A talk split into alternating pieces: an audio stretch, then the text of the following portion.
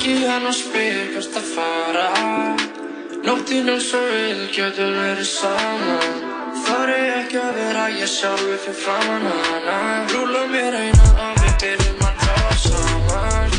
Tala saman, alla virka daga, millir fjögur og sex.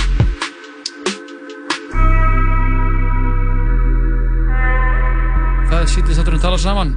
Sem Jú, jú. helsaðir á þessum uh, Fallega 50 degi. falla 50 það er mikið rók úti Það er rók sko, rók úti og inni jáfnvel.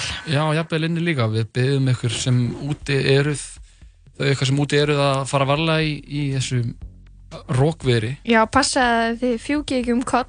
þetta er alveg svona veða sem þú, sér eitthvað svona fjúka Manneska geti fókið sko. Já, sérstaklega fólk sem er að lappa uh, fram hjá háum byggingum fólk sem er að lappa Geti verið svona einhver aðsúur, eitthvað svona trekkur. Svona, vind, svona vindbrjótar Já, já, já, svona einmitt, byggingar til dæmis uh, upp í uh, borgatúni Mm, það er hættulegt, hættulegt í dag. Já, mjög hættilegt Ekki gott að vera út á sjó heldur. Nei, hættilegt að vera á sjó Sendum bara hverjir á alla sjómenn. baráttu hverður á sjómenn og sjókonur Mhm. Við talaðum um sjókonur líka Jú, jú, það er líka að tala um sjótussur og, og sjóömmur. Sjóömmur, en það er að sjálfsögðu 15 dagur í dag og Jú, jú, það fyndin, fyndin það er. fyndin fortíða 15 dagur Mhm. og uh, við fáum til okkar gest, hann Jón Kristinn sagfræði sérfræðing og þáttarins kemur til okkar og segja okkur frá barna krossferðinni Jú, jú. Hann kom nú síðast til umræði þegar Hannes Holmsteinn Gissurason myndist á hann í samhengi við Gretu Thunberg. Einmitt Og nú ætlaði hann, hann, hann Jón að kafa aðeins uh, ofan í þennan atburð og, og segja ykkur aðeins, þetta var, hann minnum með 1200 uh, sem þetta gerist og hann ætlar aðeins að, kafa fyrir okkur aftur í tíman og útskýra. kafun í þetta og uh, ég hlakka bara virkilega alltaf að heyra um barna krossferðina ég, Sama hér.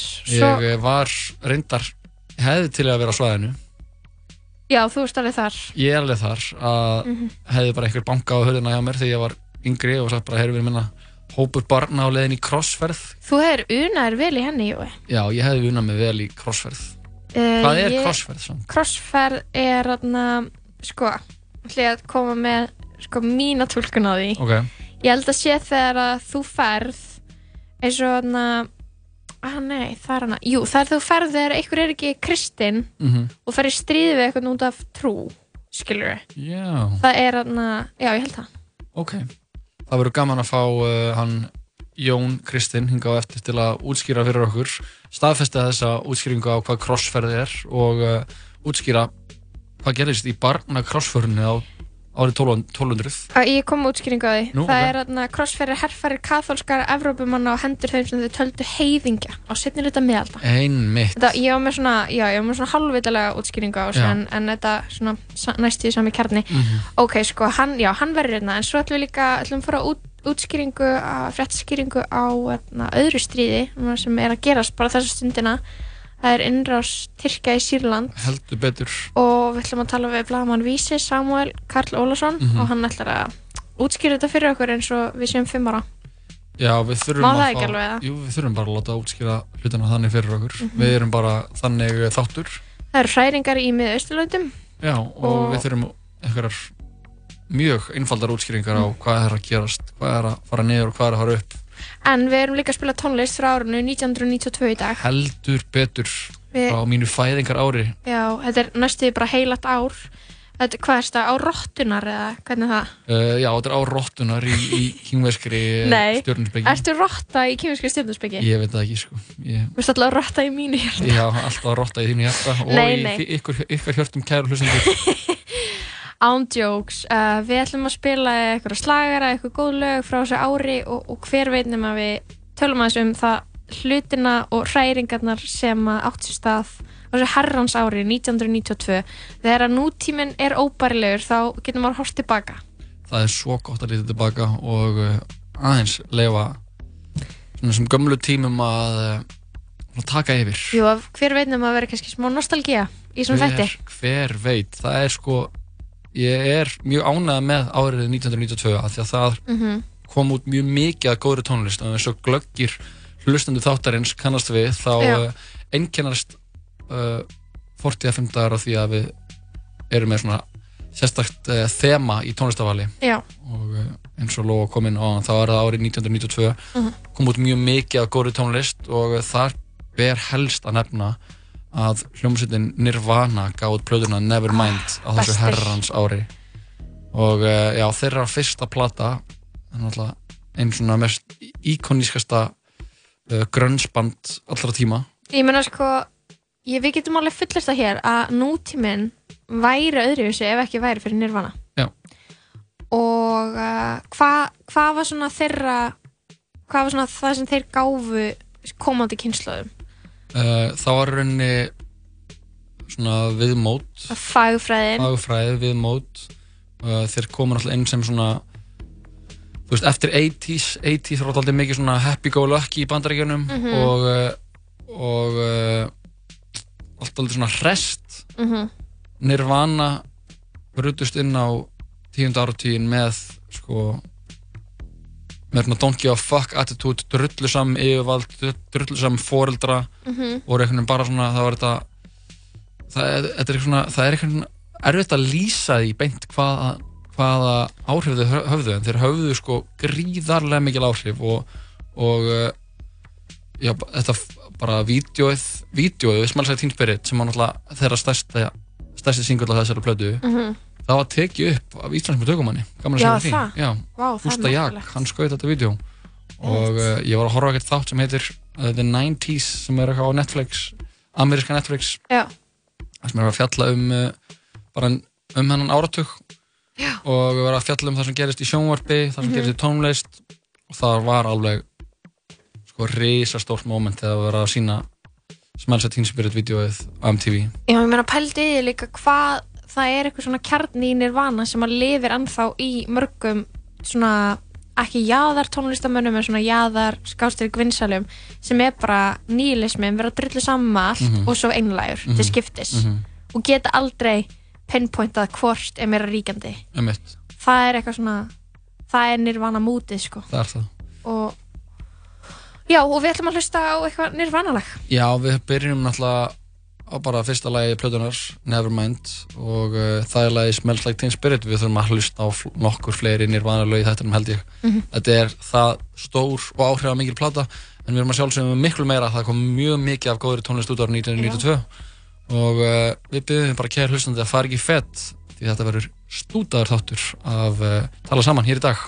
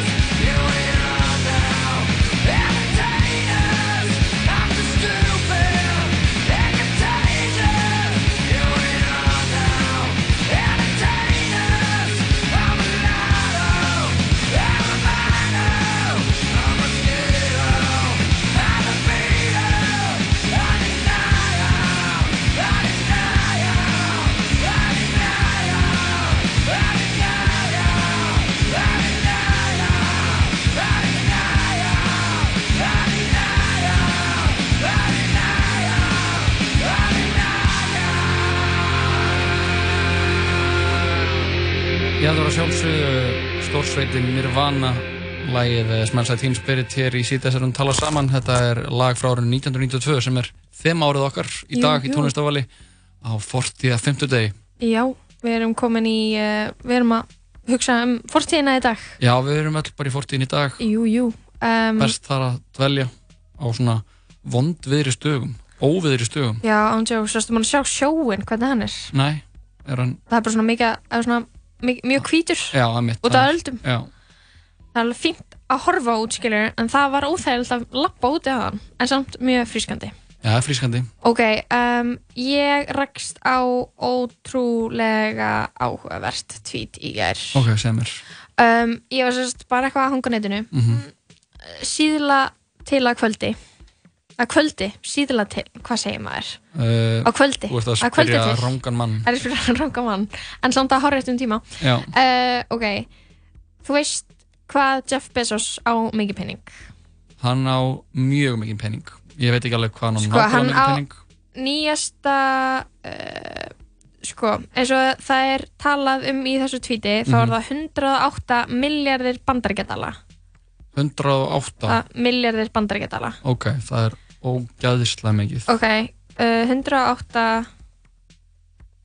Það, það, ég er að reyna hvað það er mikið á íslenskum krónum. Í krónum, já oh my god, það er ógísla mikið allavega 108 miljardir bandarækjadala og til þess til dæmis til þess að setja í sammingi til þess að enda hungursneið í heimurum mm -hmm. þá þarfstu 11 miljardi þannig að hann gæti já. átt 11 og samt átt eða hann gæti eitt 11 miljardum bandarækjadala og lagað hungursneið í heimurum mm -hmm. hann ætti samt nærru því 100 miljardi eftir.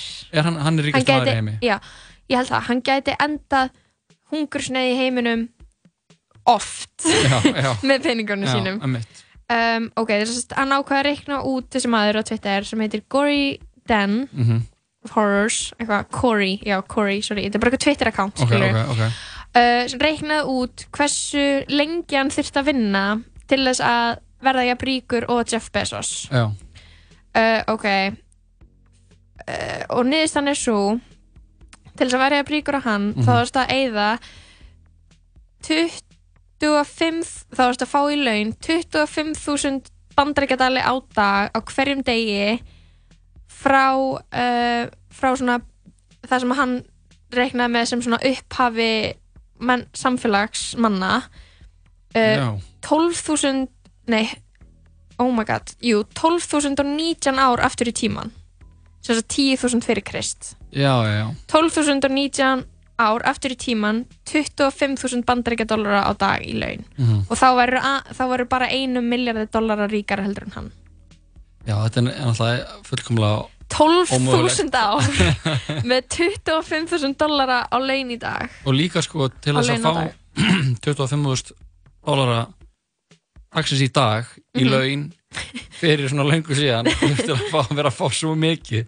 Að þú veist það, ég veit ekki alveg hvernig gjaldmeðlinni voru þannig í gamla daginn, þú veist, ef þú var að vinna á Íslandi að vinna fyrir einhverjum manna einhverjum koparpeningum, þú myndir þurfa bara að framlega koparpeningana sjálfur til þess að komast eitthvað í, í snertingu við eitthvað þessu, þessum peningum, sko. Sko, þetta er náttúrulega ekki hægt. Þetta er náttúrulega ekki hægt. Ekki hægt að eiga svona mikið pening. Þú veist, þetta eru þrjár miljónir, réttur að þrjár miljónir í laun á dag í 12.019 ár og þá verður ég að fríkur á Jeff Bezos já. ok, sko, út í það það er svo fyndi út í að stundum emma bara eitthvað, já, ok, þessi manneski er ógísla rík mm -hmm.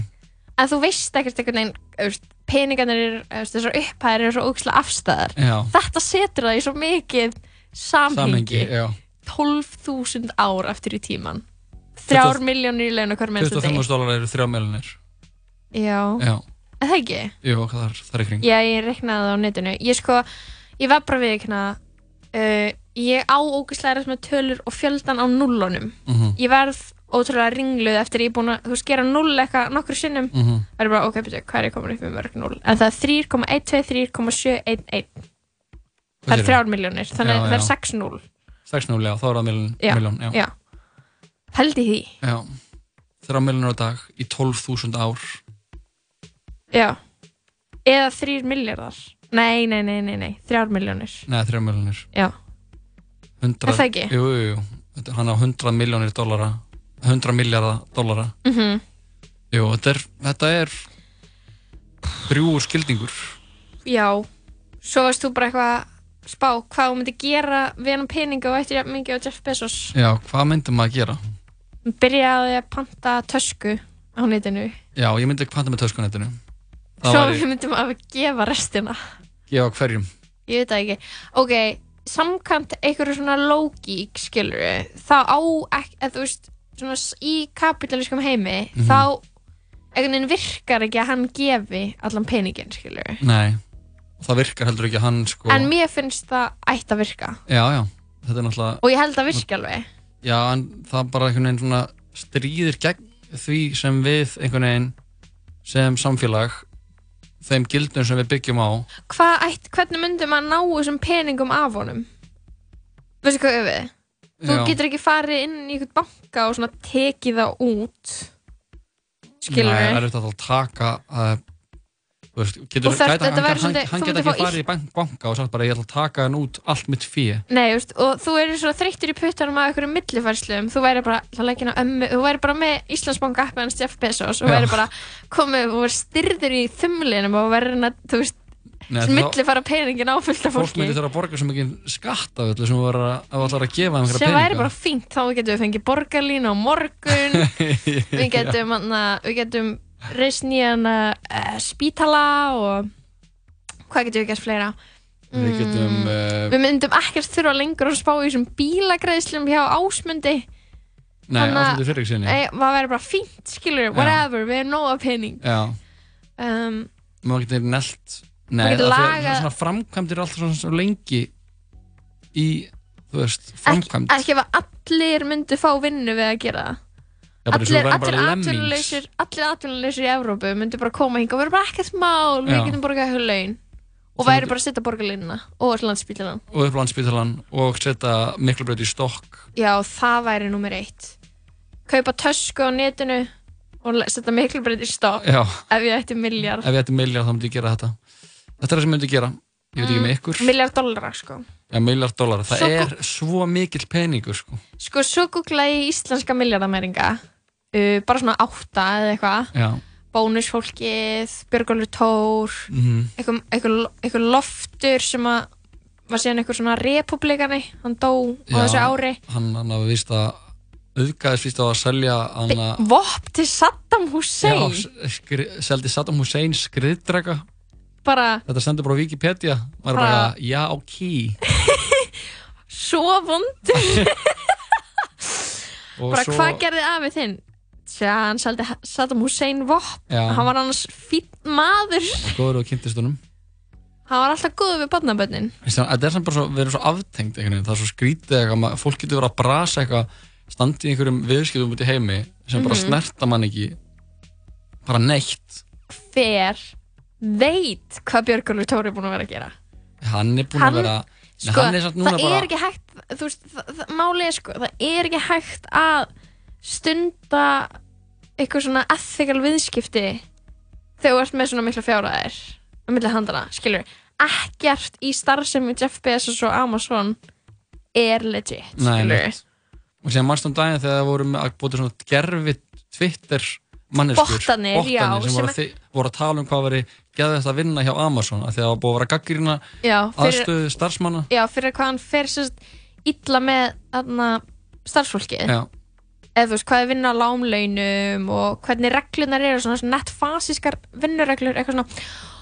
Já, og svo náttúrulega Amazon á Whole Foods Jeff Bezos á Whole Foods og það verið að taka sko svona retirement, svona lífeyrissjóða prógrami í burtu í Whole Foods.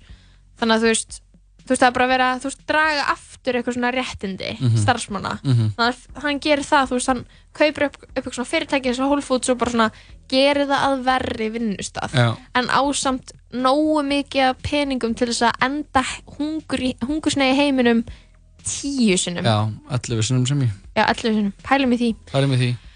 Heru, Það er að koma til okkar eftir öskamastund sakfræði sérfræðingur að nafnu Jón Kristinn hann ætlaði að segja eitthvað frá barnakrossförunum árið eh, 1200 Og við, Jóhannina, getum við sannig sagt að já, ef þessar barnakrossverðir hefði átt sér stað á tíunda ára tök senist aldar, þá hefði við verið það fremst það hefði, í flokki. já, það hefði verið bara þar með krossin á lofti og uh, tilbúin að jarða einhverja heyringja út í Európu Jöp, Árið ní- 1992 kom uh, út platan Nevermind með Nirvana sem við hlustuðum á lag af áðan.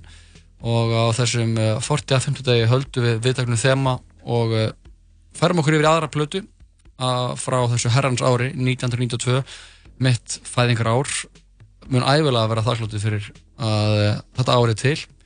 En uh, í kjálfara þessar umræða um uh, milljaramæringa er viðhandi að uh, spila lag af þessari plötu.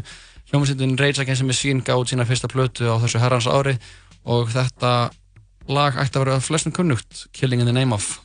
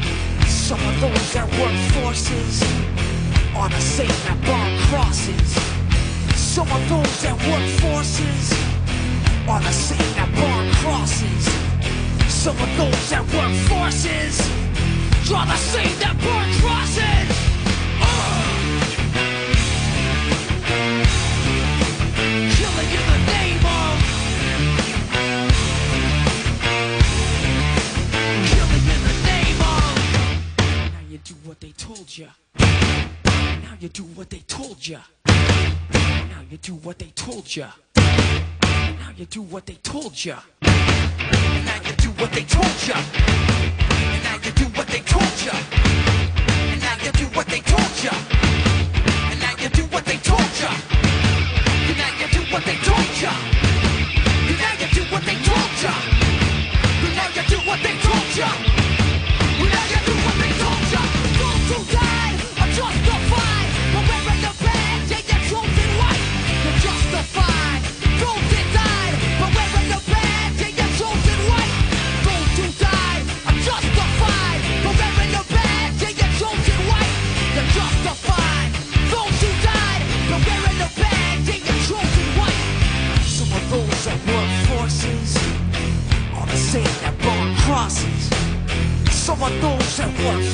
forces are the same that burn crosses. Some of those that work forces are the same that burn crosses.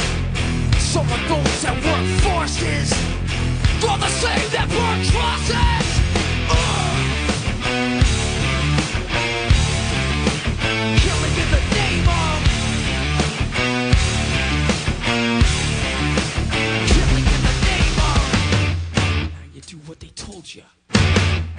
You do what they told you. Now you do what they told you. Now you do what they told you. Now you do what they told you. You're under control.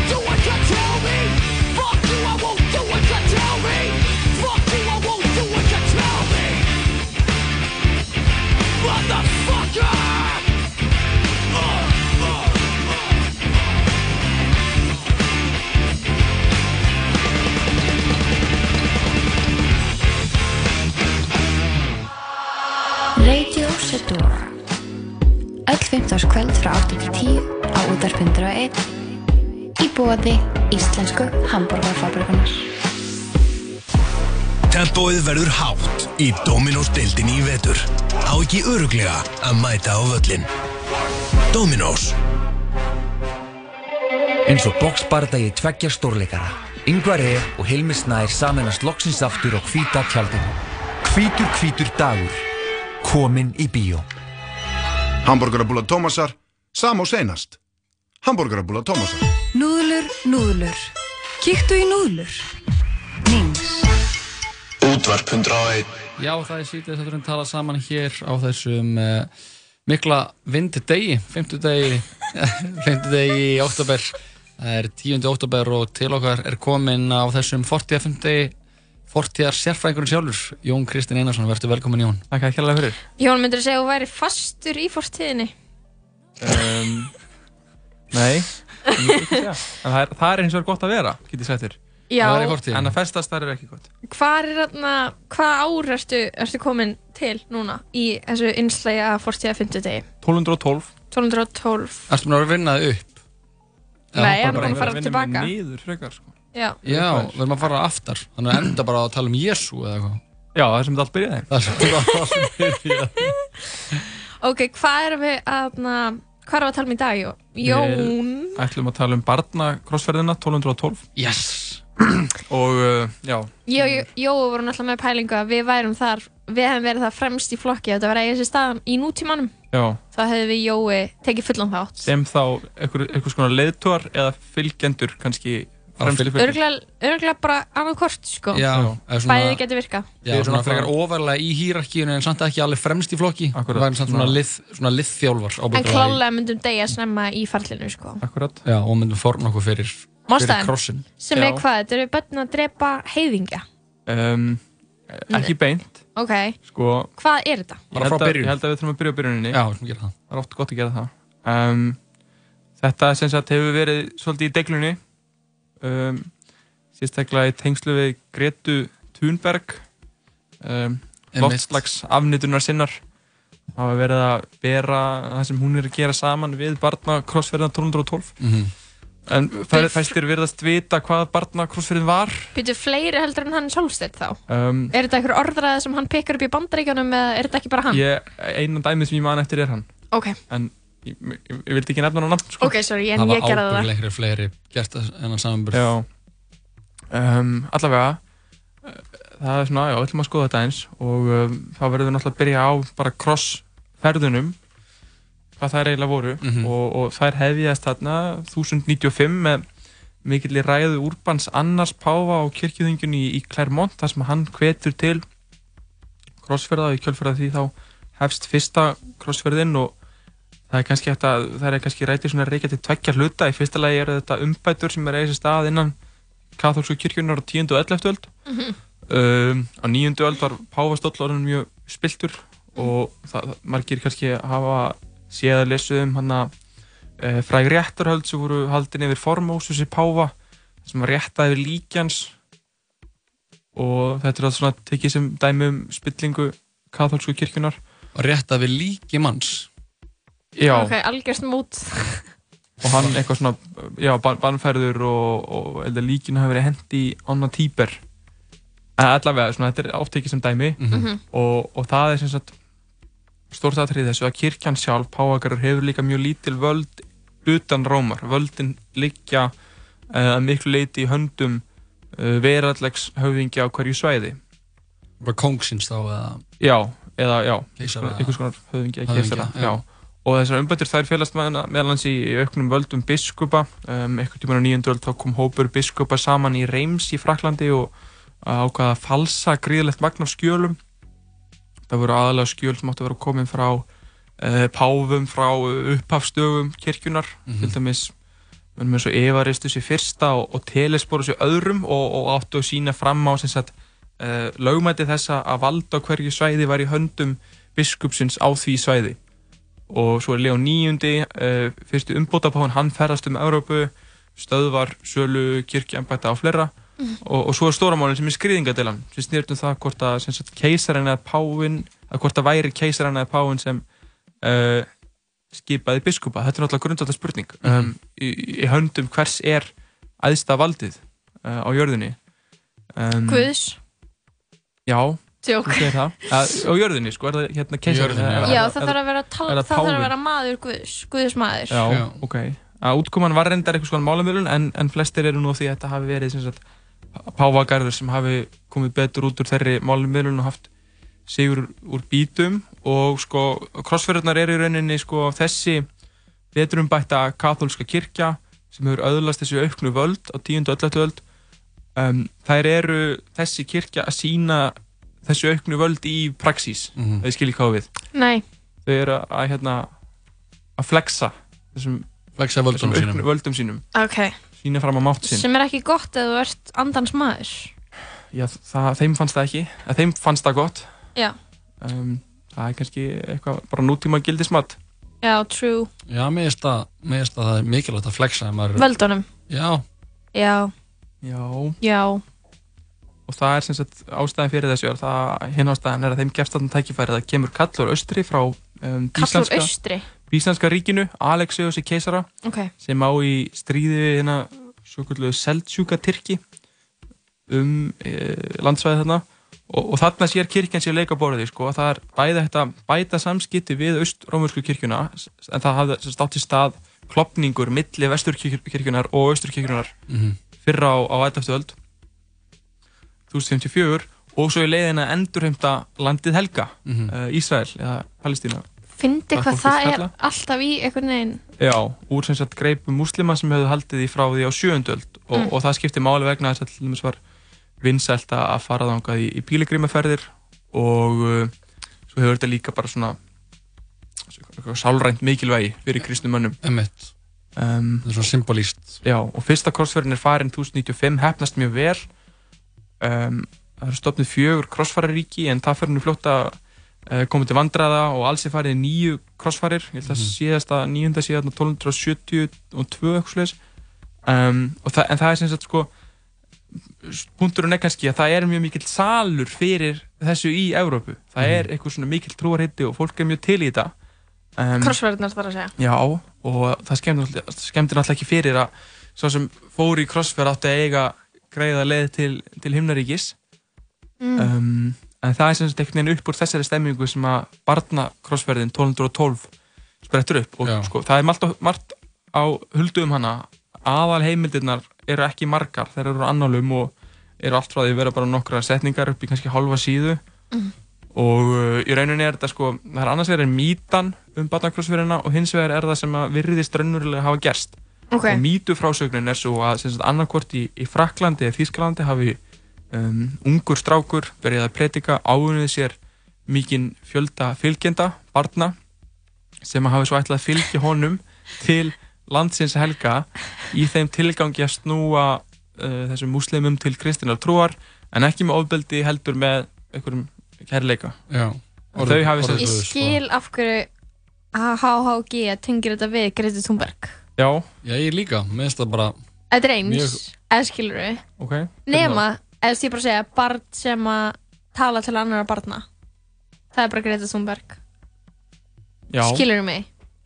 En, en, já, en þá mig? er þá erum við sko komin að því hvernig þetta endar Já, já, já. sko. Sem er einhvern veginn, og það er þetta þá þá er sagan svo að þau ná ekki mikið lengra en til Ítalíu, Gena og eitthvað svoleiðis minnum mig og þar eru flest börnin seld til kaupmanna sem að flytja þau sinni í þrældóm í Túnis Já, ok, þetta er ekki Já, það er kannski smá þar Að Það Sem sem að. Já, Já. myndlík, eða sam, samlíkingin gengur ekki En hún endar einhvern veginn Já, svona rétt fyrir það. Genúa. Já. já. En sko, já, en rauninni rétt að það sem sko, sagfræðilega sagan er svo að það virðist vera búið að hérna, blanda samar tveimur sögum. Uh, þetta er sér rauninni tvær ferðir, ein sem er farin í Fraklandi, leitt af hennum 12 ára uh, hirðmanni Stefáni frá Klói, Klóis, um, og hann á að hafa einhvern rosalega samfæringarkraft og fær fólk með sér, og, en þessi ferð nær ekki út fyrir Frakland og endar í Marseille, það sem að það er svona einhvern veginn flosnar upp úr þessu. Ok, Um, svo er önnur í Þýskalandi, leitt af Nikolasi frá Köln. Hann hefur hennar sama hérna, samfæringarkraft og, uh, og, og það er þessi sama saga, markmið síðan á landinu helga með kærleik. En um, þessi hópur, hann einhvers vegar á Ítalíu, um, leysist hann upp og sumur verðast á snúðu aftur til Þýskalands en aðrir bara haldi kyrru fyrir þar. börn Já, en það verðist líka vera þetta hefur alls ekkert verið börn. Um, Ókei. Það er tímóta grein frá 1977 eftir miðalda sagfræðingin Peter Rats, hollenskur.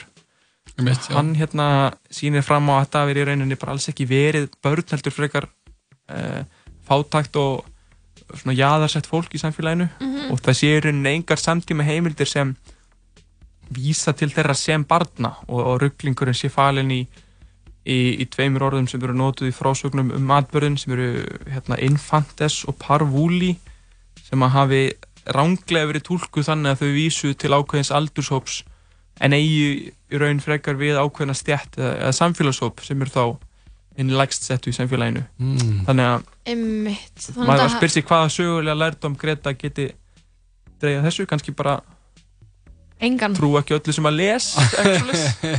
Já, einmitt. Hún getur kannski tekið það til sín. Já, og einmitt. Og hún er búin að vera að lesa mikið af loftslagsvísinda greinum sem að Nei, ég er að tjóka Einmitt, þannig að kannski er Já, Já, Já, þetta Já. Er, en þetta er náttúrulega sko, eru, það eru margar aðrar svona, þetta eru Svona- þessar formlegu nýju krossfærir, Mhm. svo eru fleiri sem eru sem sagt, ekki er ekki farnar með samþykki kathólsku kirkjunar. en Jón, hvað þarf ég að gera til þess að það sem ég geri sé crossferð Crossferð, crossferð Um, Hvort er það crossferð eða crossferð? Sko, það er sér í tvent, sko, annars vegar eru krossfæri sem eru svona nútíma skilningi sem er bara eitthvað svona aðför að einhverju á úsankjartan hátt. Mhm. og það orður orður Ég er að tala um í- gömlu, ég er að tala um gömlu merkinguna. Já, það er einhvers konar hernaðar aðgerð sem Ég er þarf að fá- farin með samþykki kathólsku kyr kirkjunar Ok, þannig ég þarf að fá- ég ná þarf að fá- landinu helga. Ok, þannig þá fyrsta skrefi er að fá samþyggi frá katholsku kirkjunni. Já. og svo þegar ég er ráðast inn í Ísrael. Er það bara Já, eða, sérst, í, í, í þeim skilningi Að er orðið verið notað. Ég meina, orðið var ekki notað á þeim tíma allavega ekki strax um þennan gjörning, skiluru þetta er eitthvað sem kemur svona Já, aðeins seinna. þegar vorum ykkur að krossa á sér ykkur merki og sliðis og Já. Einmitt, þannig að ef, ef Lóa myndi bara negla á sig einum krossi og lappa bara út, í, út á hlem matöll þá verður það kannski ákveðin krossför Já, það geti flokka undir þessar sko sem kallaðir Popular Crusades sem eru meðal hans barna crossferðin og svo er crossferð hérna, Hirðana 1251 Já. Mhm. og Ég er náttúrulega parvúlis, sko, þannig að Hvað þýð það? hinn er lægst settu í samfélaginu. einmitt, jú, náttúrulega glemist að þú ert parvúlis. Svo eru líka crossferðir sem eru farnar sko Norðurabógin, uh, Ístarsaltið og þar sko. En ég Já. finn ekki náttúrulega það hér. En þetta er svona, þú veist, þetta er náttúrulega hugdag sem hefur verið tókað til þess að þýða ymslegt sko en í, Já. alveg dýp svona, eh, ef við þrengjum ringin alveg þá eru þetta nýju crossferðir sem eru farnar á tíumbylunu uh, 1096 til uh, 1270 og, og, og 2 og eru farnar til landsins helga í þeim tilgangi að, að eh, koma Það tókst ekki? Nei ekki á endanum. Fyrst Nei. það gekk mjög vel en svo svona fljóðlega fjaraði þetta út. Og þetta er, þú veist, uh, já, gegn heiðingum, þetta er til þess að svona kristin trú verði ríkjandi. Er það ekki? Er þetta ekki líka það, þú veist, til þess að kristna fólk eða er þetta bara til þess að ná aftur Um, Ísraels og allavega í ríki? fyrstu crossferðinni þá er til dæmis muslimum leift á, áfram að trú sína bara, það er náttúrulega Ok. mikið blóðbað, fjöldi fólks er drepinn sko, Mhm. skulum ekki hérna, sleppa því minnast að það en Mhm. uh, fólk á hinnum sigurðu svæðum það var ekkert endilega verið að Kristna snúa það. því til kristni Ok. allstaðar sko Nei, það var bara meira svona staðfesta hver réði hér Já, og, Já. og tryggja aðgang sem sagt pílgrimaferðum Já. til, til Jérúsalem Já. Er eitthvað í nútímanum sem að gæti passa við þetta? Ég held ekki en ég er, ég held að saga, sagan endur tekur sig ekki það er svona oft En þegar, að- þegar Mm, Ísraels ríki var stopnað á ný eftir setni heimstyrjöldina var það ekki krossverð? Ég ætla bara alls ekki að fara að tjá mig um það hérna. Ok. bara ekki ekki nóg vel. Já, Jón, við þakkum kjærlega fyrir komuna. Já, takk fyrir mig. Og uh, gaman að heyra að þessi barnakrossferð Og, Mikið uh, fjör. Við, við minnum á það að það verður haldin uh, barnakrossferð í uh, Hlemmatöll. á Hlemmatöll hér um helgina. Akkurat. Það sem uh, börn úr Hinn legstu stjættum Lægstjættum alltaf að marsera á Hlemmatöll og kræðast að fá uh, að nota klósiti Já, að nota klósetu og fá snúð í tilefni alþjóðlega snúðadagsinn sem var í síðustu hugu Jón, þakka fyrir komuna. Fáum henni eitt uh, síkilt frá árinu 1992 Þetta er að sjálfstu söngkonan uh, Er hún ekki ástrálsk? Whitney Houston. Lægið Er hún ekki ástrálsk? Nei, hún er bandarísk. Hún er bandarísk, já, ég er rugglast Ég er rugglast á hana Já. Celine Dion Já, hún er frá Sviss og Kanada hún er frá Kanada og kefti fyrir Sviss í Eurovision. Eurovision Ég er ekki með neitt á hreinu En þetta er alltaf hennar lagið I will always love you If I should stay, I would only be in your way. So I'll but I know I'll think of you every step of the way.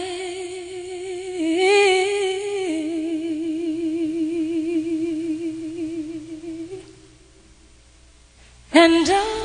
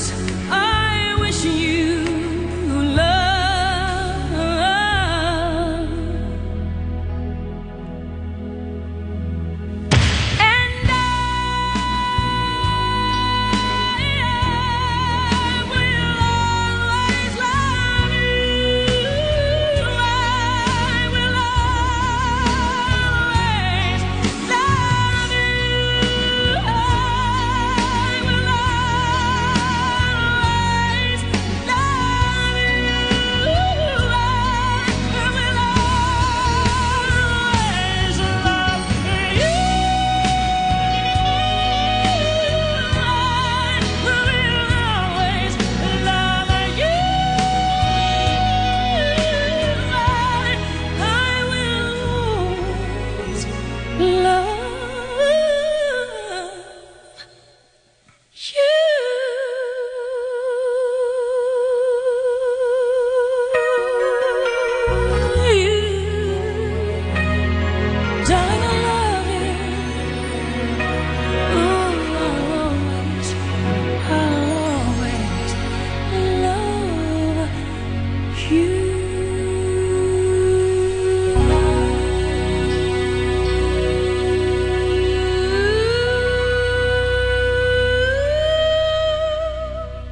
Sambandinu taparu aldrei gagnamagni. Sambandi. Símafélag framtíðarinnar. Mmm, þetta er góð matur. Skál, hlemur matöll. Það skiptir ekki máli hvort það sé bongo, blíða eða rigning. Sumarið er á Serrano. Kíktu til okkar og prófaðu ljúffengan sumar burrito. Serrano. Fresh, happy, max. Þú getur hlusta á alla þættina af Tala Saman á Spotify. Já, þannig vorum við enda að heyra hana Whitney Houston syngja þetta lag I Will Always Love You frá árinu 1992 sem er Svo gott lag. þeim árið okkar í dag í tónlistavalinu á 40. degi vorum að kveðja Jón Kristinn Einarsson sem er sagfræði, sérfræðingur þáttarins Mhm. Fortíðar frumöðurinn okkar Mm. hann var að tala Já. um barna krossferðnar árið Sem- 1200 Sem gerðist ekki. sem gerðist ekki þetta voru miskilingur Mýta og, uh, já, og miskilingur á orðinu infantes. já, um mitt Og þetta var virkilega fróðlegt, við erum alltaf uh, svo mikið fróðar eftir að við kveðum hann Jón hérna úr hljóðverinu. Við verðum náttúrulega bombum inn klippu af þessu og, og svo verður þetta að hlusta á þetta Spotify eins og kom fram á hann. Já, þetta, þetta var gott lag með Whitney Houston. Já, þetta er rosalegt lag, sko, ótrúlega þetta lag var náttúrulega fræg, frægast í uh, Titanic Mhm. en uh, þetta lag var samt, samt sem áður ekki gert fyrir Titanic heldur var þetta gert fyrir mynd sem kom út ára 1992 Mhm. sem heitir The Bodyguard uh, og mynd sem Whitney Houston leikur sjálf í á samt Kevin Costner Geggjað, sko, ertu búin að horfa á hana? Nei, við þurfum að horfa á hana Hún er á horflistanum, sko. Uppáhalds Whitney tímabili mitt, sko. Hún var náttúrulega góð í hérna I Wanna Dance With Somebody, allt þetta dæmi, Mhm. skilur hérna 80s músíkin hennar. Já. En uppáhalds Whitney tímabili mitt er 1998. Hérna My Love Is Your Love. Það er komið svona, svona R&B skotið tónlistin hennar.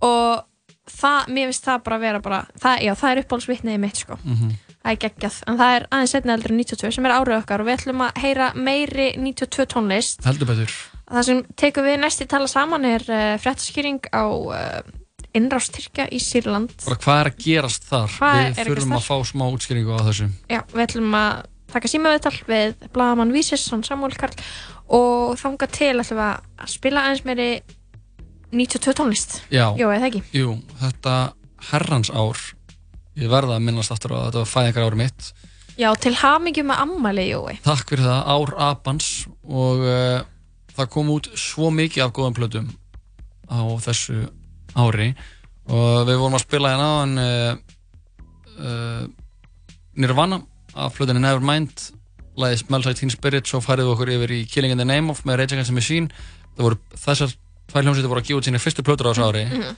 sem er risastórt reyndar held ég að Nevermind hafi komið út árið 91 Mm. það er smá svindl en uh, hún var, þarna, var mjög vinsæl árið 92 Já, mikið í spilun. Mikið í við, erum spilun. við erum miklu frekar að fara eftir því heldur en einhverjum útgáðu degi. já, já. og uh, síðan fórum við eins og uh, eins og uh, við myndumst á hennar rétti þessu yfir í Whitney Houston og næst farið okkur yfir í rappið Uh, svo gott.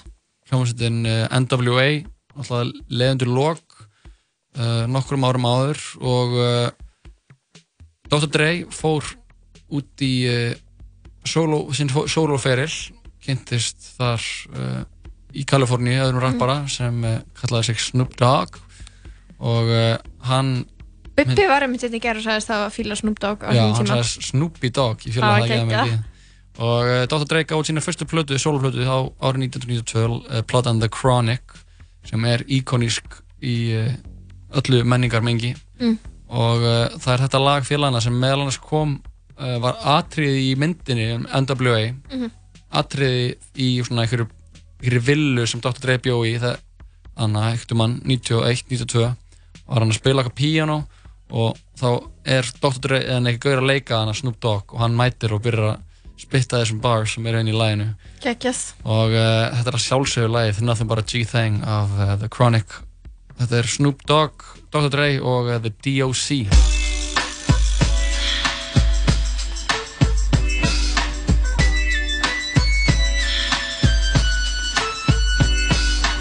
One, two, three. bringing to the folk. Snoop Doggy Dogg and Dr. Dre is at the door, ready to make an entrance. So back on up, cause you know we're about to rip shit up. Give me the microphone first so I can bust like a bubble. Compton and Long Beach together, now you know you in trouble. Ain't nothing but a G thing, baby. Too low out niggas, so we're crazy. Death Row is the label that pays me. Unfadable, so please don't try to fake this. But uh, back to the lecture at hand. Perfection is perfected, so I'ma let 'em understand. From a young G's perspective. And before me dig on a bitch, I have to find a contraceptive. You never know, she could be earning her man and learning her man.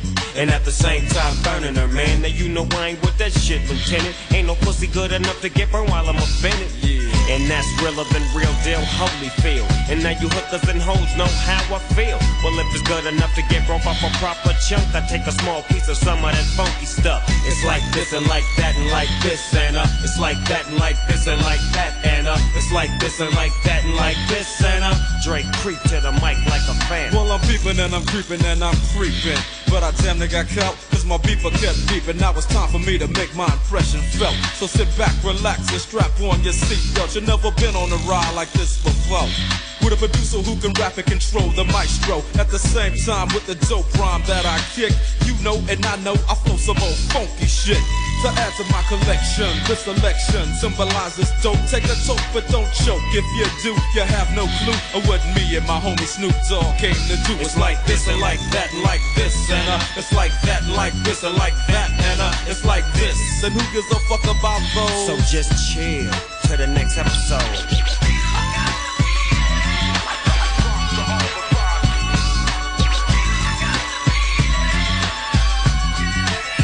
Falling back on that ass, what a hellified gangster lean. Getting funky on the mic like an old batch of collard greens. It's the capital S O yes, I'm fresh and double O P D O double G Y D O double G. You see, showing much flex when it's time to wreck a mic. Pimping hoes and clacking a grip like my name was Dolomite.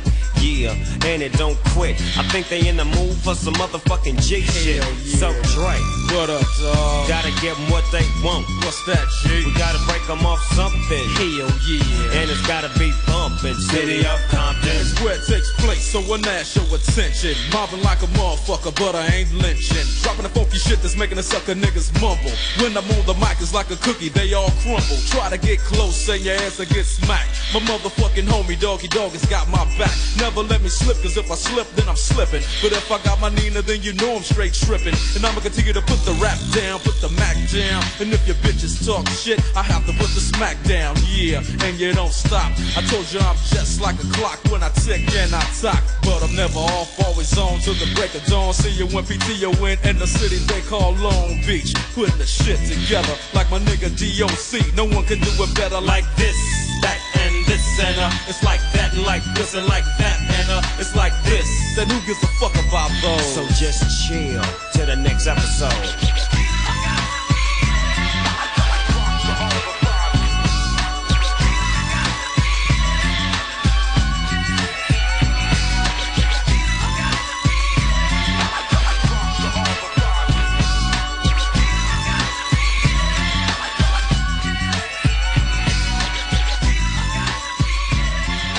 Jújú, Nothing But A G-Thing, þetta er uh, Dr. Dre og Snoop Dogg á samt The DOC af plötunni The Chronic sem kom út árið 1992 sem er þema árið okkur í dag á 40. að 50 degi hér í Tala Saman. Já, vi- veistu, við vorum að tala um Ára Abans. Veistu hvað Ára Abans, veistu hvað persónuleika kostir fylgja með því, uh, þess að í kýmversku stjórnumerkjónum, þá er 1992, eða sko, nána tildekið, milli 4. februar 1992 til 22. janúar 1993, það er sko Árabans. Water Monkey Year.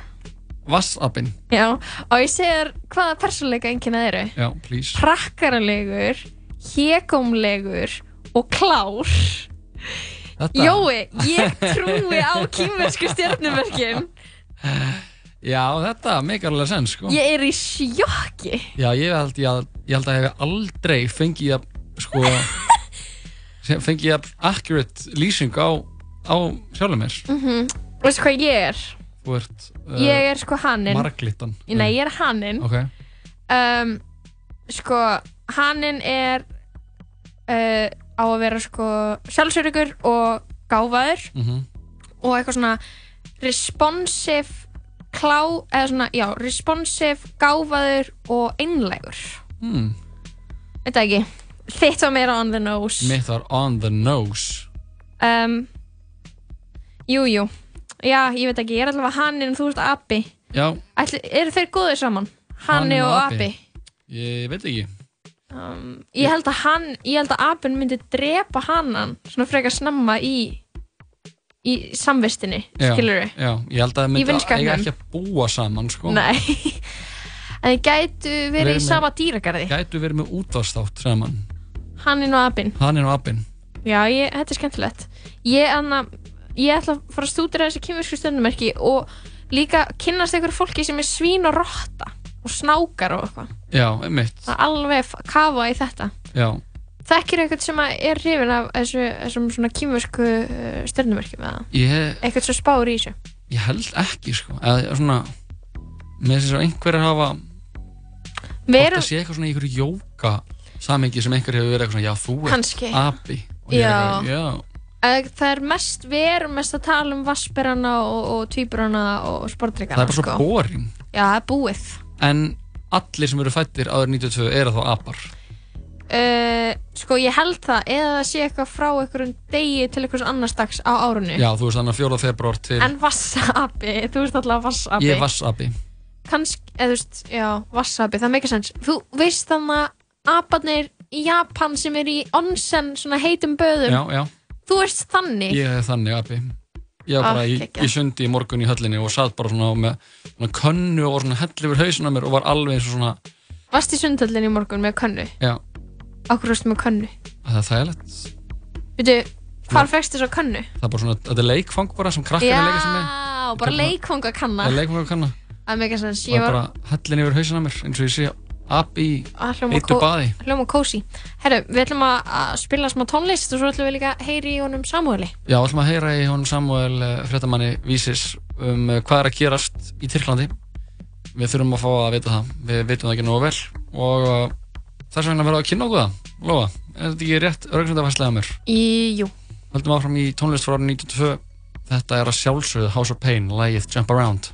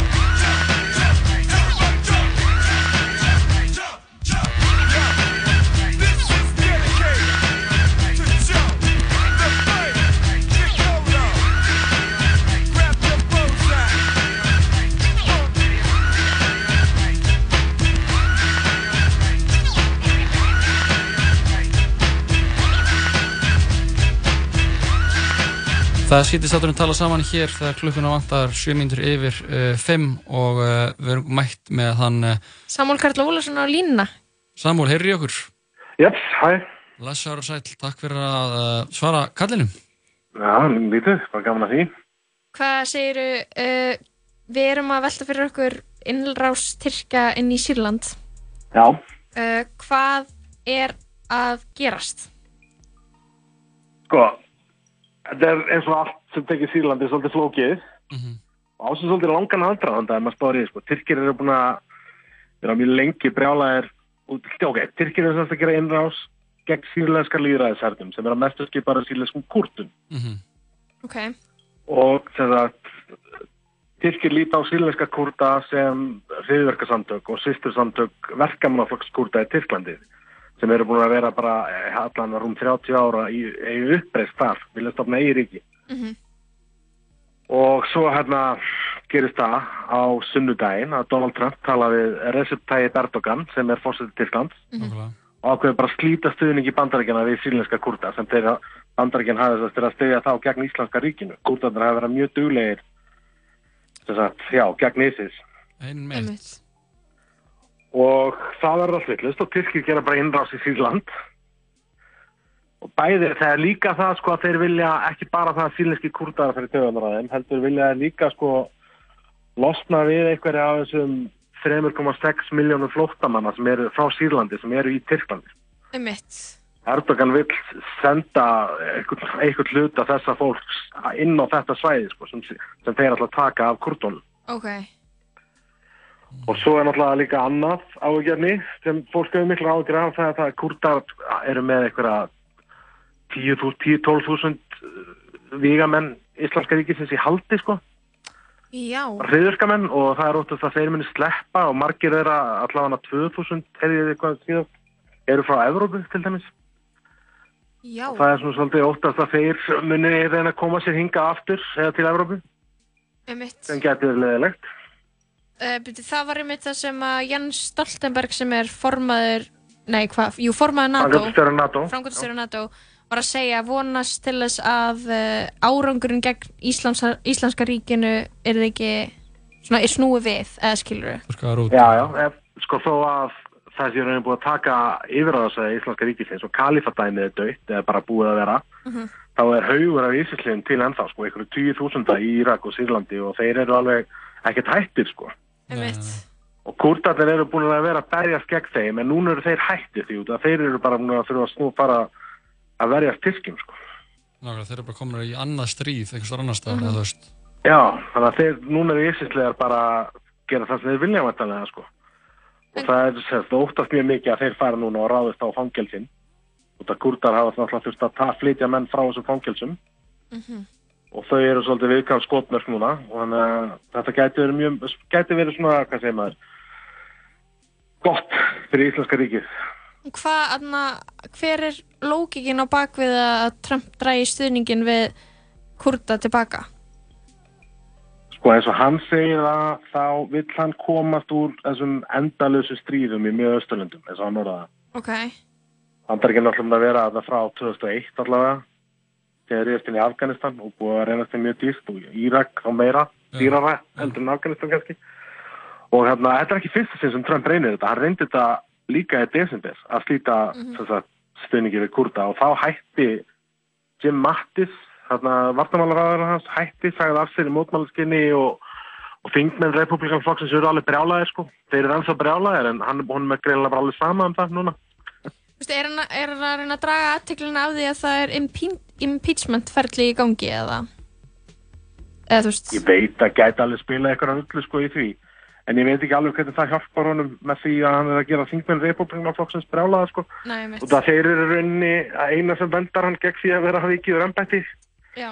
þe- þegar þú veist að hólminn er komið Mm þannig að ég veit ekki hvort hann græði mikið af því En betur, hverjir, tíma sko hverjir taka þátt í þessu stríði? Er þetta bara Tyrkir eða er eitthvað frá NATO, eitthvað NATO-ríki að hjálpa þeim eða er við verið að hjálpa kurdunum? Þetta eru bara Tyrkir sko Evrópuríkin eru búin að fordama þetta svolítið mikið og Erdogan hótaði fyrir endar í dag að ef Evrópuríkin hætti ekki að rífa kjáft þá hann senda alla þessa flóttamenn til Evrópu Ok. þess að 3,6 miljonir sem hann vil koma fyrir í Sýrlandi Ég meina það er ekkert auðvelt að flytja 3,6 miljónum manns heldur betur ekki eða þarfst að beita einhverjum svona frekar harkulegum aðgerðum til þess að það gangi upp, sko. Já, já, já, hann þurfti að vera svolítið harðið þegar rauninni bara væntanlega reykaði bara í burtu með vopnavaldi, sko. Einmitt. En í rauninni er þetta, já, þetta eru bara Tyrkir og Kurdar, en Tyrkir eru samt með, sko, uppreisna menn frá Sýrlandi með sér Mhm. í þessu og þeir hafa lengi verið sakaður um að notast bara við basically þriðverkamenn, islamista og jafnvel, sko, fyrrandi ísisliða í þessum sveitum sínum, sko. Þetta er þriðja einrásin sem þeir gera í Sýrland. Já, Allar hafa þetta eins gegn Kurdum, sko. ok. og þarna og þeir hafa, já, þú veist það, það ég sé fullt af svona vísbendingum að það getur verið mikið til í það séu bara ísislegar með þeim hann sko. Já, ég meina Það er þann, líka svona- þannig að ekki gott Hmm. skilur ef að þeir ísisleðar hitta hina ísisleðana og þá komið fullt Það er af ísisfólki aftur. Erdogan sagði vist Trump að hann myndi þess að taka yfir stjórn þessara fangelsa sko Mhm. en það uh, þykir mörgum ekkit sniðugt sko Nei, einmitt. við það uh, veist, svona, hvað getur maður sagt alltaf verið svona svona grátt samband svolítið á milli Tyrklands og, og Íslandska ríkisins sko. Tyrkir kefti mikið á olíu á þeim Já. og vígamenn ISIS fóru voðalega mikið á Tyrknes sjúkrahús þegar þið særðust og svona Ok. Ok. fyrir mörgum árum það var alltaf eitthvað fregnir af því en þú veist þannig að þetta er alltaf voðalega óljóst Mhm. hvort það sé eitthvað samband á það milli og menn óttast bara að þessum gaurum verið sleft sko. Mhm. Einmitt. Þannig að þetta er þetta er svolítið alvarlegt held ég Nú Já. til Já, þetta er lengri bara... tíma líka Já, mitt. Mhm. Herru, takk fyrir þetta Samuel og bara takk fyrir að heyri okkur. Já, hann lítið og gaman að þessu Ok. Já, bye ó. Ok, bye. Bye, bye. Já, þannig þar hefur við það. Það er allan svona smá hugmynd um hvað er að gerast þannig í, í, í Tyrklandi Já. og í Sýrlandi og þannig að milli þessari ríkja Mhm. og uh, já, það er bara einhvern veginn Ekki mikið sem við getum bætt við nema bara þetta sökkar. þetta sökkar, þetta er alveg bara enn, enn og aftur að fara að staða eitthvað svona eitthvað hræðileg stríð í heimi og maður veginn Mhm. bara setur hérna á þessu skeri og Mhm. allan að það var fínt að fá útskýringa á þessu, hvað er að Já. gerast en uh, Við höldum að að spila tónlistinum frá 1992. Já, þetta eru þeir félagarnir Pete Rock og CL Smooth. Pete Rock kom og spilaði eins og henni Reykjavík. Já, það. Já, ég sá hann. Læði Trói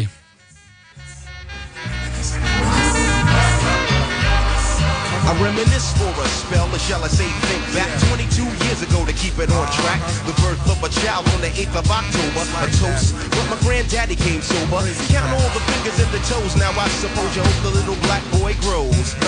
18 years younger than my mama, but I really got beatings with the girl of trauma. In single parenthood, there I stood. By the time she was 21, had another one. This one's a girl. Let's name her Pam. Same father as the first, but you don't give a damn. Irresponsible, plain not thinking. Papa said chill, but the brother keep winking. Still he won't down you or tear out your hide.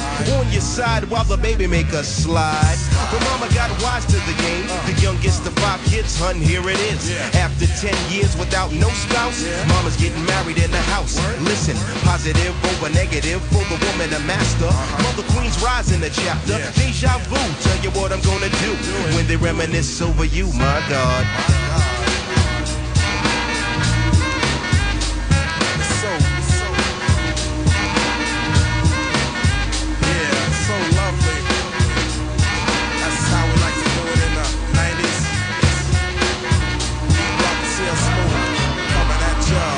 Date back, I recall a man off the family tree. My right hand, Papa Doc, I see. Took me from a boy to a man, so I always had a father when my biological didn't bother. Taking care of this, so who am I to pick up? Not a bad ticker, but I'm clocking Pop's liver. But you can never say that as life is through. Five kids at 21, believe he got a right to. Here we go while I check the scene with the Portuguese lover at the age of 14. The same age, front page, no fuss, but I bet you all you know they live longer than us. Never been seen now, that's where you're wrong. But give the man a taste and he's gone. Not off sleep to a jazz tune. I can hear his head banging on the wall in the next room. I get the pillow and hope I don't wake him. But this man, the cuss, hear it all in verbatim. Uh-huh. Telling me how to raise my boy unless he's taking over. I said, Pop, maybe when you're older. We laughed all night about the hookers at the party. My old man standing yelling, Good God Almighty. Uh-huh. Use your condom, take sips of the brew. When they reminisce over you, for real. For real, baby. like that.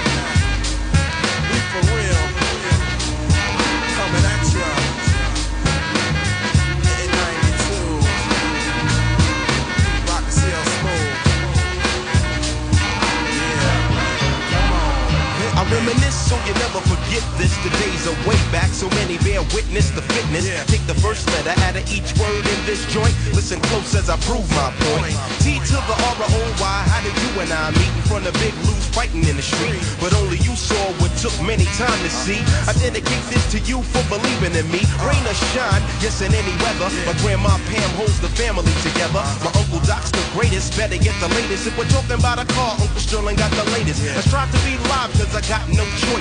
And run my own business like my Aunt Joyce. So Pete Rock hit me, enough respect due. Uh-huh. When they reminisce over you, listen. Listen.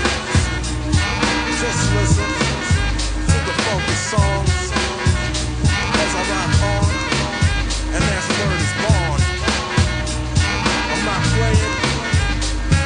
Everybody, just coolin'.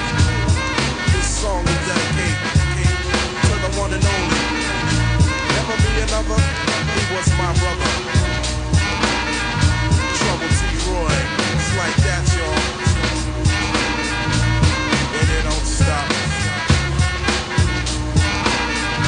Rock and Seal Smooth from 92. And we out. Later, later. Þetta voru félagarnir Peter Rock og CL Smooth Lægið uh, The Reminisce Over You eða Troy frá árinu 1992 sem er þema árað okkur í dag í tónlistavalinu Ló, varst að fíla það? Já, þetta var skemmtilegt. Uh, ég var að tala eins um það sem gerðist árið 2000, nei, 1992. Árið 2000. Árið 2000, is uh, Já, hvað gerðist árið 1992 Fyrir utan að þú fættist. Fyrir utan ég fættist Um, sko, Bill Clinton var kjörinn fórseti. Ok, það er Mhm. fyrir stórt Jeps. Það er aðalega verið að tala um sko á svona síðu sem ég fann eitthvað íþróttaviðburði og eitthvað tæknilegt. Alltaf verið að tala með eitthvað. Eða eins og þetta. Svíþjóð fekk 20 krónar seðil. Ok Hei, breytti leiknum. Það Um, breytist allt þá sko Microsoft gaf út Windows 3.1. Woo! Vá, frekar mikið að byrja boring dóti Kaldastriðinu lauk. Ok, það er þetta Yfirlýst lauk Ok á þessum tíma. Já, hittust ekki Anna Mm, Reykján og Gorbachev? Nei, það var fyrr Ég hörði Kanski, það byrju. Ég er með bókina fyrir framann að mig sem heitir Um tíman og vatni eftir Andra Snæ. Mhm. uh, þeir hittast, uh, Stendu það bara já, það er bara fyrstu blaðsynni. Mm, já, nei, jú, það var 1986 Já, já sem þeir hittast. Um, En svona, það, það var í ferli að klárast í smá tíma Greinilega. Klárast 92 Þegar ég fæðist Cold War. Hvað með þorskastríðið? Þorskastriðið Eina stríðið sem, eh, nei Við höfum tekið þátt í tveim stríðum Fyrir eftir í hvernig þú skilgreina að taka þátt. Já, við studdum Íraksstríðið Já, og, og það voru her, her, herbúður hérna í setni heimstyrjöldinni líka. Já, við vorum svona eiginlega hernumin þá Já, einmitt. hm. Haldið að við erum hernumin aftur Já, Hvaða auðveldlega. land myndir vilja m, að, ef eitthvað, land- eitthvað land myndi her, hernema Ísland hvaða land myndir velja?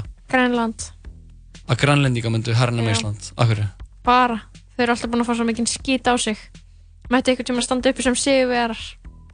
En heldur að þeir eru ekki með her, her til þess að gera þetta? Nei, þeir myndu bara koma og þeir eru líka undir myndu bara stjórn með Dana. augnaráðið, skilur þetta sterka augnaráð, Já, þetta þetta grænlenska bara- augnaráð.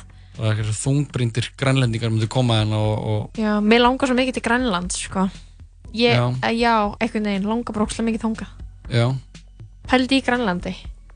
já, það er mikill Það er jökullinn á bráðana. hann er jökullin á bráðana og rusl að koma í ljós að það er ekki að þú veist, rusl í Grænlandi Já, er að tala um, ertu, ertu ekki að tala um samt þarna bandarísku kjarnorku Nei, það og líka bara já, það og líka bara rusl. Það er ekki einhver endurvinnsla á Grænlandi. Mhm. það er bara þú, þau eru bara með ógeðslega mikið rusli sem þau urða og urða bara með að tróða í honni eitthvað klaka einhvers staðar. Ok. sem bara bráðnar hann og það er bara ógeðslega mikið rusl og ruslalikt. Oi, það er leðilegt. já, og sem Um, alltaf einhver úranjum úrgangur frá því að bandarækjumenn voru þannig í einhverjum vafasum erandagjörðum fyrir Já, horfður á það, frettin um það, það var eitthvað svona BBC frettum og þú veist þegar bandarækjumenn fóru og voru með eitthvað base þar en gráfu, grófu svo onni í ísinn og svo voru þeir að uh, hita þetta upp og nota kjarnorku með, veist, fyrir ramagn Mhm. og líka eitthvað kjarnavopnar á svæðinu Mhm. sem þeir séðan skild eftir út af að þeir fættu að ísinn hreyfist það er gett að byggja hús lengst onni í ykkur um ís og þegar ísinn, það hreyfingu á ísnum Mhm. og þeir gæti ekkert búið inn í ykkur svona húsi sem var alltaf eitthvað að hreyfast það var bara ekki nógu örugt Einmitt. og uh, já, þurfti að fara og skildi allt eftir sem, og þetta er núna komið í ljós eitthvað 60-70 árum setna klikkað Þetta er algjört rugl sko. já uh, það er fáralegt sko. En já, mér verður alltaf langa svolítið til Grænlands eða ekki alltaf, svona nýlega. Nýlega hefur langar líka það er víst bara einhvern veginn úrslega erfitt að komast á milli staða þar. Já, þú ert eiginlega bara að fara í þyrlu. Já, þyrlu, gang, eða flugvél eða skilur á, á skipi eða sleða eða eitthvað. Með sleða hundi. Ég bara, þú veist, og svo, já, svo búi ekki sérstaklega margir þar, sko. Nei. og ég, ég bara svona ég held einhvern veginn að hugmyndunar sem að fólk hefur um Ísland það er eigi, það eigi við, við um Grænland, sko. Já, kyrð já. Uh, eitthvað svona tengi, rosa tenging við náttúruna. Já. eða svona, þú veist, svo dependant á hana. Já, já. Út af einhvern veginn sam, hvernig það er að komast á milli staða og svona. Veist, það verður alveg ófært á mörgum stöðum á Íslandi en þú veist. Það Lí- bara kemst á Já, Grænlandi. já. nema þú sért með sleða og sleðahunda. Geðið stórbröti náttúra. Já. Bara ég þekki, þekki mann sem er mikið í klifri og svona mikið í ferðamennsku og Grænland er bara upp á staðurinn hans það er bara eitthvað svona útivista partís Já, um mitt er á okkur um kanó og fara í ykkur að kletta og að held að sé geggjað. Og ókvæslega fallegt. Já, við þurfum bara að koma til Grænlands. Og svo skrítið að þetta er bara við hliðinu á okkur. Já, og ég veit ekki til þess að sé eitthvað svona margir Íslandingar að fara ánga nei, þetta er nú það er að fljúa alltaf úr úr Bara eh, Keflavíkurflugvelli, Vass- það ekki? Nei, Vassmýrinni, það er bara flóið hann á Reykjavíkflugvelli já, Reykjavík er þetta að fljúa? Já, Air Iceland Connect Já, heitir það er geggju pæling þetta er eitthvað til að hafa baka veirað Við ætlum að færa okkur yfir í lag sem var eiginlega vinsalasta lagið uh, allan svona á vinsallu listum að dæma árið 1992 Mhm. hljómsveitin Boys to Men og uh, lagið heitir End of the Road þetta var eitthvað hljómsveit sko. Þetta einhver var, var sko. eitthvað hljómsveit sko. Þetta var einhver 92 stemning. Já, algjörstemming heldur betur og lifir enn. Í gáðnum glæðum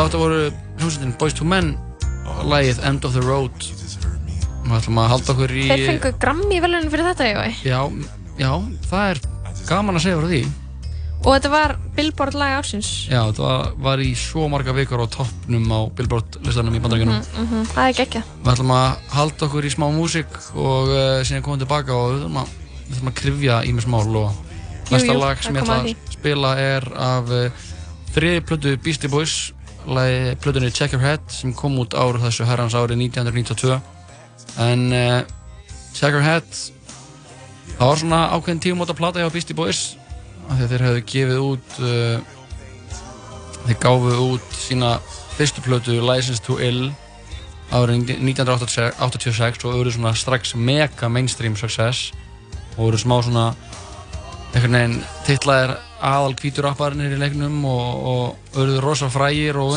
Grímsla strákanir. já, rosa frægir og, og ríkir og vinsalir Mhm. og uh, stegið mér svona smá til höfuð síðan fóruð þau til uh, fóruð þeir í uh, Los Angeles sem náttúrulega eru- frá New York og voru að vinna þessari plötu uh, Check Your Head 92 í kjölfarið á Paul's Boutique sem er platan, önnur platan þeirra kom út 1989 eftir að hún fekk sko mjög dræmar viðtökur Mhm. en hefur samt í seinni tíð orðið að svona mjög mikilvægu uh, listaverki í, í þessari sögu jú. og að mörgum talin besta platan þeirra á aðdændum hljómsveitarinnar Mhm. en síðan komið þær aftur með þessari blötu Check Your Head 92 og þá stimpluðu þessi aftur inn sem stjörnuna sem þeir eru Mhm. og uh, ætlum að spila lag eitt af mínum uppáhaldslögum með hljómsveitinni uh, lagið Pass the Mic af plötunni Check Your Head, Jack Másu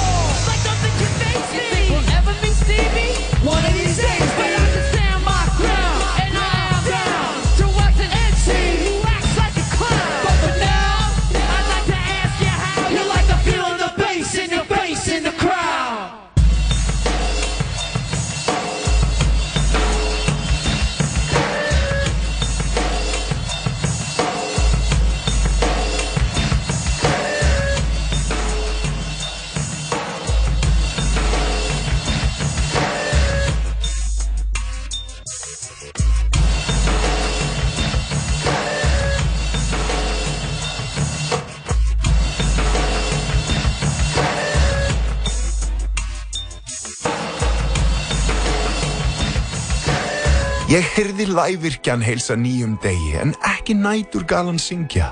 Sjáðu, á... Veitu fyrir ekki, hérna, er textin allur svona í leikritinu? Eh, Nei, nei, þetta er nú ósköp bennulegt leikrit sko, en þetta, þetta kemur svona á milli. Ah, ég skil. Shakespeare verður ástfangin. Sýnt í þjóðleikhúsinu. Miðasala er í fullum gangi á leikhúsið.is Hlustaðu á okkur á netinu á 101.life Big Trouble er nýr sérborgari á American Style í bóði í takmarkaðan tíma. Rauðrófan er komin aftur í djúsin eða á samlokuna. Joe and the Juice, kaffi, djús og svo miklu meira. Brúðkaup ársins, veistla sem kemur á óvart. Íslenska óperan sýnir gaman óperu Mozarts, Brúðkaup Fígarós í þjóðlíkúsinu. Uppselt á alla sýningar í september, lausir miðar í oktober. Útvarp 101 Jú, það er síðan státturinn tala saman hér. Það er klukkuna vandar 24 mínútur í 6 á þessum uh, ágæta 50. Það Jú. er vindur úti. Já, það er vindur úti árið 1992, tónlist í spilun en við ætlum að ræða málumni líðandi stundar Jóhann, Jú, við jú. ætlum að ræða tja Ellen klippuna sem fór uh, svo kallað væral um netið, varð væral á netinu það þýr þegar eitthvað nær mikil dreifingu Já, netheimar loguðu eins og við segjum hérna heima. Já, ok, ég skulum segja frá þessu dæmi hún sem sagt var á Packers leik, var það ekki? Jú, hann er bólt að leika því. Jú, hún var að hafnafóltaleik og það kom svo mynd, byrst mynd af henni uh, fjölmjölum þar sem að hún situr í svona VIP-stúku við Mhm. hliðina á George W. Bush. Bush fyrirhandi bandaríkja fórseta sá sem var í embati á undan Obama Já, og uh, byrjaði Íraksstríðið. hann er vissulega sá sem að hóf Íraksstríðið uh, allavega, það sem að Ellen k- segir hún er svona, fær svona skammir yfir sig Já, fær svona, fólk er að hengslast út í hana fyrir Já. að vera að hanga með George Bush sem Já. er að mörgum talum bara stríðsklefamæður. Já, en hún minnist náttúrulega ekkert á þetta hún talar um þetta í þettin sínum, hún segir ok, þannig að ég er einna með hann um útskýrir eitthvað hvað þau voru að gera svona, segir frá svo grínlegan hátt og svo Mhm. segir hún eitthvað svona málið er nefnilega að ég get átt vini sem eru annara skoðunar heldur en ég og þá er hún að vísa til dæmis í að hann er Republikani. í republikani, hann er, hann er ekki hrifin á sanginniðu fólki, hann hefur ekki gert mikið fyrir réttindi hins einn fólks í bandaríkjunum Nei. Uh, hann er, þú veist, náttúrulega íhaldsamur, kristinn og, na, já, er hægir, the- alveg, alveg hægra mig Hann er sko. bara the worst. já, já, já, en, en sko hún talar um þetta eins og sé að tala um til dæmis bara eitthvað svona rasískan eða svona fordómafullan frænda Mhm, mhm. og það er þarna já, er eitthvað svona að segja við erum að elska alla og vera góð við alla samótt að séu ósamlega okkur Mhm. og allir er eitthvað svona að byrja að klappa. Skilur í salnum hjá Ellen Já. hann alltaf um, er ekki bara skilur fordómafullur rasískur frændi það er valdamesti maður bandaríkjana Mhm. í, í mörg ár og kom Írakstriðinu á stað réðist inn í Afganistan nei Írak Írak. Írak og það eru tu- 250.000 almenni borgarar sem hafa fallið vegna, vegna hans Já. Og uh, náttúrulega fólk Það eru pyntingarnar. börn, að fæðast með hana, með uh, bara fæðingalla vegna einhverja eiturefna sem hafa sem bandaríkja herri notaði Já. það eru pyntingarnar sem að hann uh, sagði, sagði að sé þætti í góðulagi mm sem stóðu Uh, í Bay og já, saklausu fólki sem að hafði ekkert endilega neitt að gera með hriðverk Nei, mitt það komin að það var einna fyrir nokkrum árum var uh, var heimildamönd á Riff tveir menn sem voru teknir í Guantanamo Bay fangilsið Mhm. og voru pyntaðir þar og haldið nöðugum en voru algjörlega saklausir þeir komu og voru að segja frá þessu í Tjarnabíu Mhm. fyrir nokkrum árum ég satt í salnum og horfið á og heyrði þeirra frásögn Mhm. sá þessa mynd mitt og það eru náttúrulega Drónarnir, sem, sem að þeir beittu og hundrur pakistanskra barna fjalli í valin það er bara svona, mér finnst einhvern veginn magnað. En svo ég er einhvern veginn ekkert hissa ekkert eins og ég sko Ellen DeGeneres er ekkert einhver pólitískur aktivisti. Nei, hún er bara celebrity hún er hún bara, er bara ríkt celebrity í bandaríkjunum sem að á konu. Mhm. og veist, já, hún er hins eginn skilur Já, en hún er ekki Jú, jú, hún hefur náttúrulega Hún hefur náttúrulega gert eitthvað fyrir réttindabartu Já, Hins eginn fólks í bandarækjunum Hún náttúrulega er opin- opinber manneskja Hún er svona stærsta Þú veist Fræ, Frægasta lesbía í heimi, í heimi. Jú, 100% Og það er náttúrulega alltaf eitthvað Sem uh, maður getur ekki litið framhjá. En þannig, já, einmitt, mér finnst það bara svo Mér finnst þetta eitthvað svo Þetta er svo classic svona miðju rök. Eitthvað, já, maður á bara að maður á geta verið vinur allra. Bara svona hann er bara illmenni. Já, maður það- hann er með bara svona morð bara þúsundir manna á samviskunni. Hug þúsunda Hundrað þúsunda. fyrrum sko hvað fyrrum uh, svona yfir, yfirmaður í counter-terrorism meðan hann var við völd Mhm. vil saka hann um sko að fremja stríðsklæpi sakaði George Bush um að vera ábyrð á stríðsklæpum Já, þannig að þú veist já, hann er bara svona maður með bara svona og, og það sem er svo skrítið er í bandaríkjunum er svona eftir að Trump var kjörinn að einhvern veginn hann er bara einhvern veginn svona heimski hann, hann er svo mikið eitthvað svona fljóta sem eitthvað svona heimski forsundin, hann Mhm. George Bush eitthvað svona, ó ég vildi að við fengum hann aftur. Já Þetta er smá svona eitthvað, orðræða já, já Bara hann var hann var, alltaf svo, hann var svo mikil goofy doofus eitthvað Já. svona vissi ekki neitt Já, en hefur þú séð Vice, heimildamindana um Dick Cheney? Nei, Nei. ekki heimildamindana, mynd, leiknum myndina um Dick, Dick Cheney Já, já, sem sagt Vice myndin, ekki Nei, nei, heldur bara Vi, myndin Myndin Vice, já, þú vissi hana já, Þú fílaðir hana? Já, ég fíla hana mjög mikið Það sem uh, Christian Bale leikur Dick Cheney sem var varafósita mandaríkjana í á fósitatíð George, W- George W. Bush Mhm. og í rauninni er Dick Cheney maður sem stendur á bakvið Írakstriðið Mhm. allan ef maður að þessari myndadæma Mhm. því að George W. Bush var ekki gæði sem var ekki með neinar hugmyndir hann var ekki, þú veist, hann var bara einhvern eins og einhver einhver anna einhver strengjabrúa Mhm. í sinni eigin Mhm.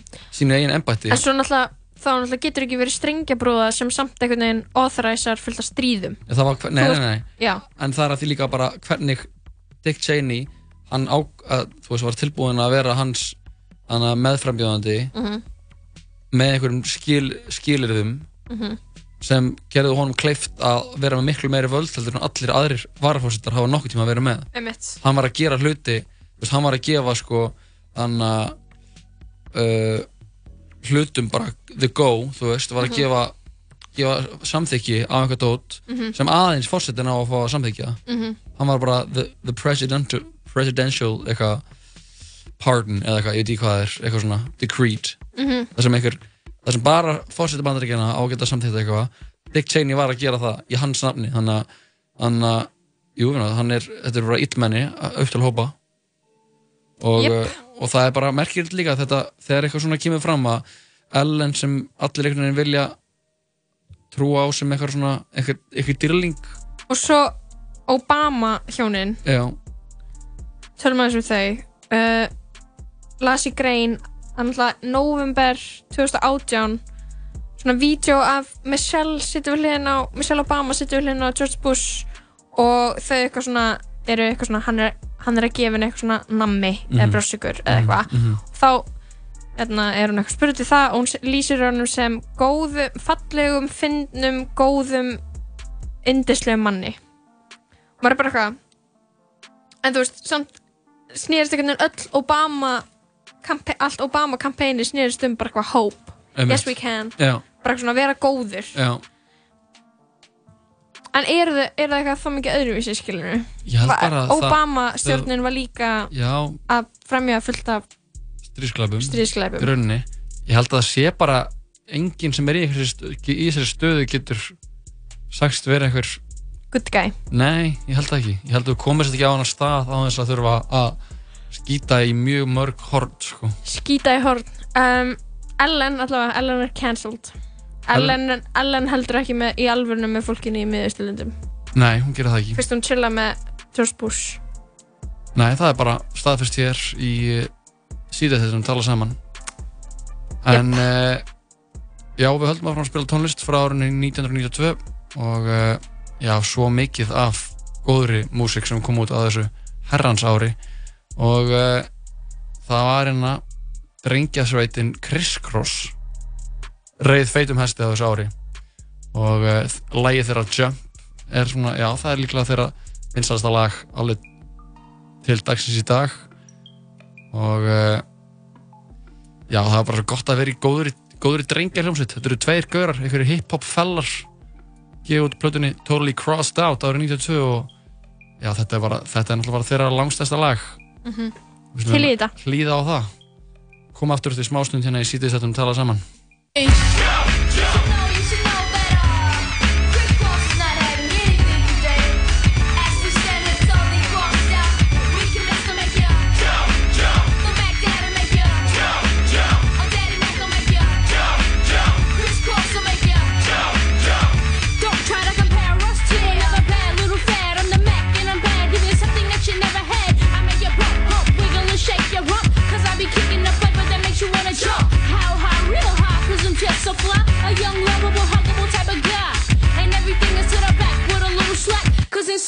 is wiggle and wiggle and wiggle and whack. I come stop with something pumping to keep you jumping.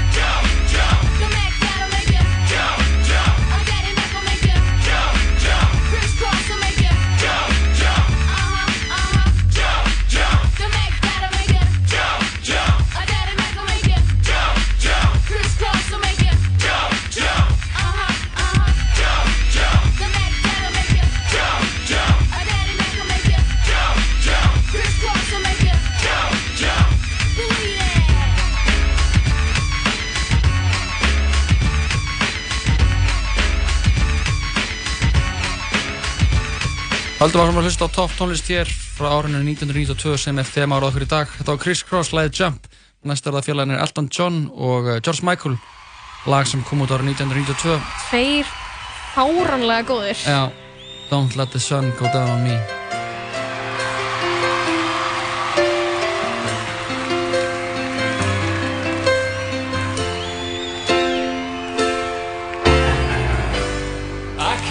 lie. No more of your darkness. All my pictures seem to fade to black and white.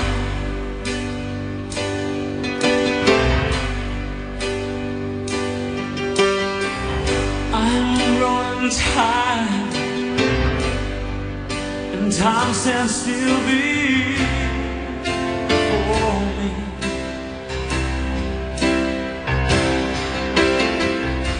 Frozen here